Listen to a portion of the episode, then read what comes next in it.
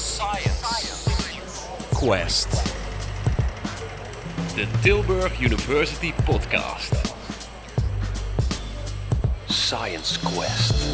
Hartelijk welkom bij deze tweede aflevering van onze special over de energie- en klimaatcrisis, besproken door milieueconoom Rijer Gerlach. Energieleveranciers Eneco, Essent en Greenchoice kondigden onlangs aan dat ze de energieprijzen gaan doorberekenen naar de klanten. Dat gaan we allemaal voelen. En het leidt tot grote woede. Is dat terecht, Rijer?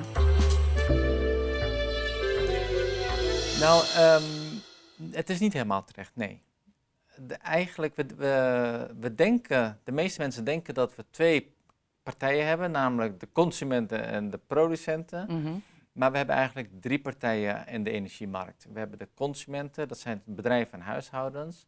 We hebben de producenten, dat zijn degenen die gas leveren of die windmolens bezitten en zonnecellen bezitten. Mhm. Maar we hebben nog een derde partij en dat is de tussenhandel of de leveranciers. Mhm.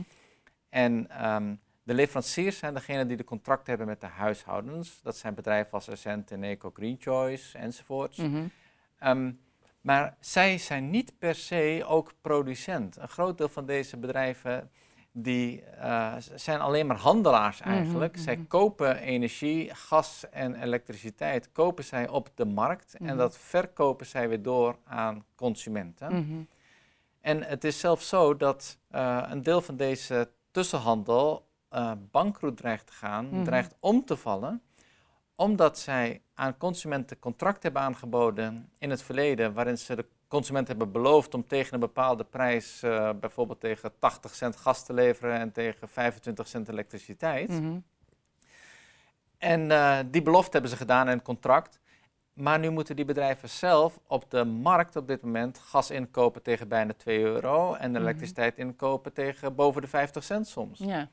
En dat verschil, dat moeten die bedrijven zelf betalen en dat is een enorme verliespost voor die bedrijven. Ja. Ja. Dus deze bedrijven, de tussenhandel, die maken op dit moment veel verlies. Ja. En de bedrijven die eh, windmolens hebben, zonnecellen hebben of uh, gas leveren of steenkool leveren, die bedrijven maken heel veel winst. Maar het is heel belangrijk om die twee partijen uit elkaar te houden. Ja. Ja. Ja. En te begrijpen dat de tussenhandel eigenlijk niet heel veel anders kan doen dan wat ze nu doet, namelijk de prijzen omhoog brengen. Die zitten, eigenlijk zitten die gesandwiched tussen een enorm hoge prijs en, de, en, de- en wat ze zelf moeten kunnen doorberekenen aan een klant. Ja, die zitten klem. En eigenlijk, die hebben de, eigenlijk, eh, om het nog een- op een andere manier eh, uit te leggen, die hebben eigenlijk dezelfde rol als dat banken hebben bij een hypotheek.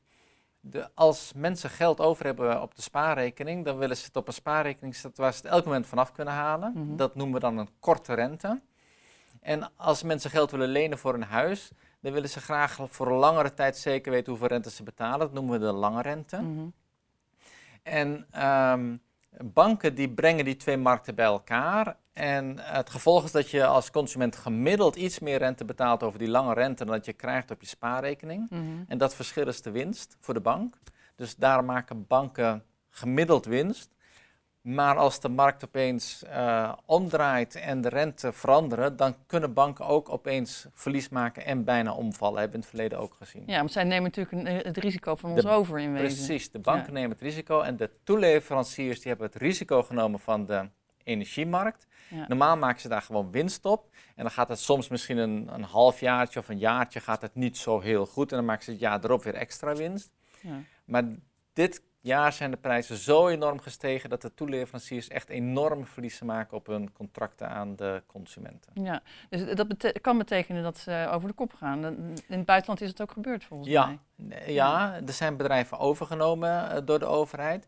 En eh, er zijn ook overheden, zoals de Finse overheid, die eh, hebben garantstellingen gegeven aan deze toeleveranciers. Want die toeleveranciers die moeten ook bewijzen in de markt dat zij werkelijk aan hun verplichtingen kunnen voldoen. Die moeten dan een onderpand hebben. De onderpanden van deze bedrijven zijn niet groot genoeg. En als je naar de hele Europese markt kijkt, dan is het zo dat de onderpanden bij elkaar zijn toegenomen tot meer dan 1000 miljard euro. Mhm. Dat is zoveel geld, dat hebben die bedrijven niet.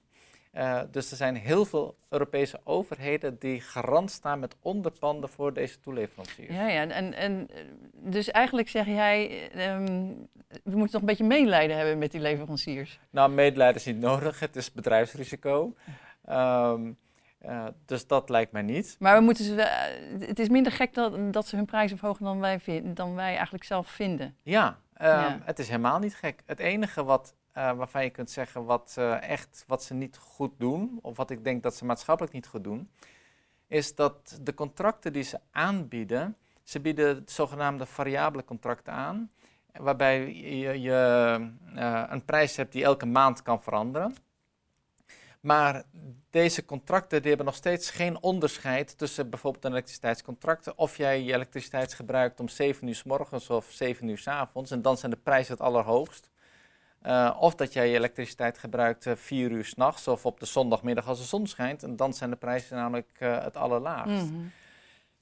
En er zijn maar een paar partijen, dat heet de zogenaamde dynamische contracten, waarbij de prijs echt mee beweegt met vraag en aanbod. En die worden eigenlijk nauwelijks aangeboden. En er worden, het enige wat we nog hebben dat daar een beetje op lijkt, zijn de zogenaamde dag-nacht-tarieven. Mhm. Maar de dag-nachttarieven die zijn gebaseerd op hoe de, de energiemarkt eigenlijk 30 jaar geleden werkte. Toen je overdag veel meer elektriciteit nodig had dan s'nachts. En dus was s'nachts elektriciteit goedkoop en overdag duur. Ja, ja, ja. Maar door de hernieuwbare energie die we nu hebben, is de markt, de prijzen ze hebben een heel ander ritme dan Ja. 30 jaar geleden. Maar onze contracten zijn daar nog steeds niet op afgesteld. Nee, nee. Maar, maar hoe komen we nu uit deze, uit de crisis van die leveranciers? Moeten wij toch meer gaan betalen of moet de overheid iets op gaan leggen? Wat, hoe zorgen we ervoor dat die leveranciers niet omvallen? Nou ja, de leveranciers eh, moeten dus het recht hebben, en dat hebben ze ook nog steeds, om de prijzen te verhogen. Als, ze de, als er een garantie is, dan moet dat dus wel gebeuren zoals het in Nederland gebeurt, met eigenlijk een garantie van de Nederlandse overheid richting de energieleveranciers. Je, hè, over de invulling van eh, dat zogenaamde prijsplafond kun je discussiëren, eh, de, de, de details of dat, of, of dat nou heel verstandig is. Mhm. Maar het principe is correct. Mhm. Dat eigenlijk de overheid zegt tegen de leveranciers: als jullie verlies maken omdat jullie tegen een lagere prijs moeten leveren, dan vangen wij dat verlies op om te zorgen dat jullie niet eh, failliet gaan. Dat is op zich een correcte invulling. Maar het blijft dus wel, dat wil ik toch aangeven, het blijft belangrijk dat de leveranciers wel andere contracten gaan aanbieden die mensen meer helpen om energie te gebruiken op het moment, vooral elektriciteit, op het moment dat elektriciteit goedkoop is. Want op dit moment is er echt onvoldoende eh, druk Mhm. voor bedrijven en huishoudens om hun elektriciteitsconsumptie vooral rond 7 uur s morgens en 7 uur s avonds te verlagen. En dat Mm. zijn echt piekmomenten Mhm. waar we een, een grote kans gaan Mm. krijgen dat in de komende winter op een gegeven moment ergens in Europa de stroom uitvalt. ja, ja, ja, ja. Omdat er gewoon te weinig is. Omdat er Minder stroom is dan dat de mensen vragen. Ja. En het land waar we verwachten, waar mensen, experts verwachten dat mogelijk het eerste dat gaat gebeuren op grote schaal is Frankrijk. Mhm. Eh, Frankrijk eh, ehm, heeft op dit moment weinig capaciteit omdat er veel kerncentrales in onderhoud zijn. Duitsland, de Duitse operator, heeft vandaag aangekondigd dat ze mogelijk haar elektriciteitsexport naar het buitenland, en dan moet je denken aan Frankrijk, gaat beperken. Mm. Mhm. Dus eh, Frankrijk heeft een tekort binnenlands. Het buitenland zegt wij leveren niet meer aan jullie, want wij willen het liever houden voor onze eigen consumenten. Mhm. En je kunt het zien in de markt. Er bestaat namelijk een markt, dat is heel interessant voor de elektriciteit in 2023. Je kunt nu al eigenlijk elektriciteit kopen die pas in 2023 geleverd wordt. Op die markt kun je zien dat er een hele hoge premie is voor elektriciteit in Frankrijk. Ah, ja, ja, De ja, elektriciteit in Frankrijk kost in volgend jaar kost nu een stuk meer dan de elektriciteit volgend jaar in bijvoorbeeld Nederland. Ja, dus die schaarste die blijft gewoon. Daar moeten we rekening mee De houden. markt, houdt er serieus, de markt houdt er serieus rekening mee. De markt gaat ervan uit dat er volgend jaar een groot probleem ontstaat in Frankrijk. Ja. Oh, ja.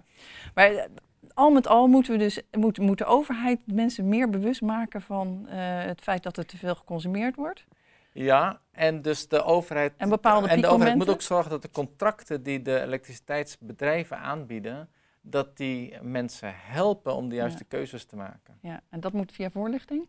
Dat moet, ja, en voorlichting, maar ook gewoon feitelijk het aanbieden. Dus ehm, er is eigenlijk te weinig vernieuwing in de Nederlandse markt. Dat is verbazingwekkend. We zitten in een crisis en het lijkt alsof de belangrijkste partijen op hun handen zitten in plaats van dat ze actie ondernemen. Ja. Maar ik kan natuurlijk niet zien wat er achter de schermen allemaal gebeurt. Nee, nee, nee. Oké, dankjewel.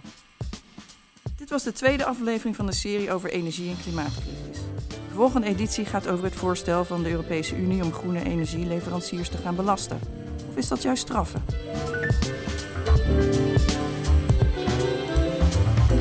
Dit was Science Quest, de podcast van Tilburg University.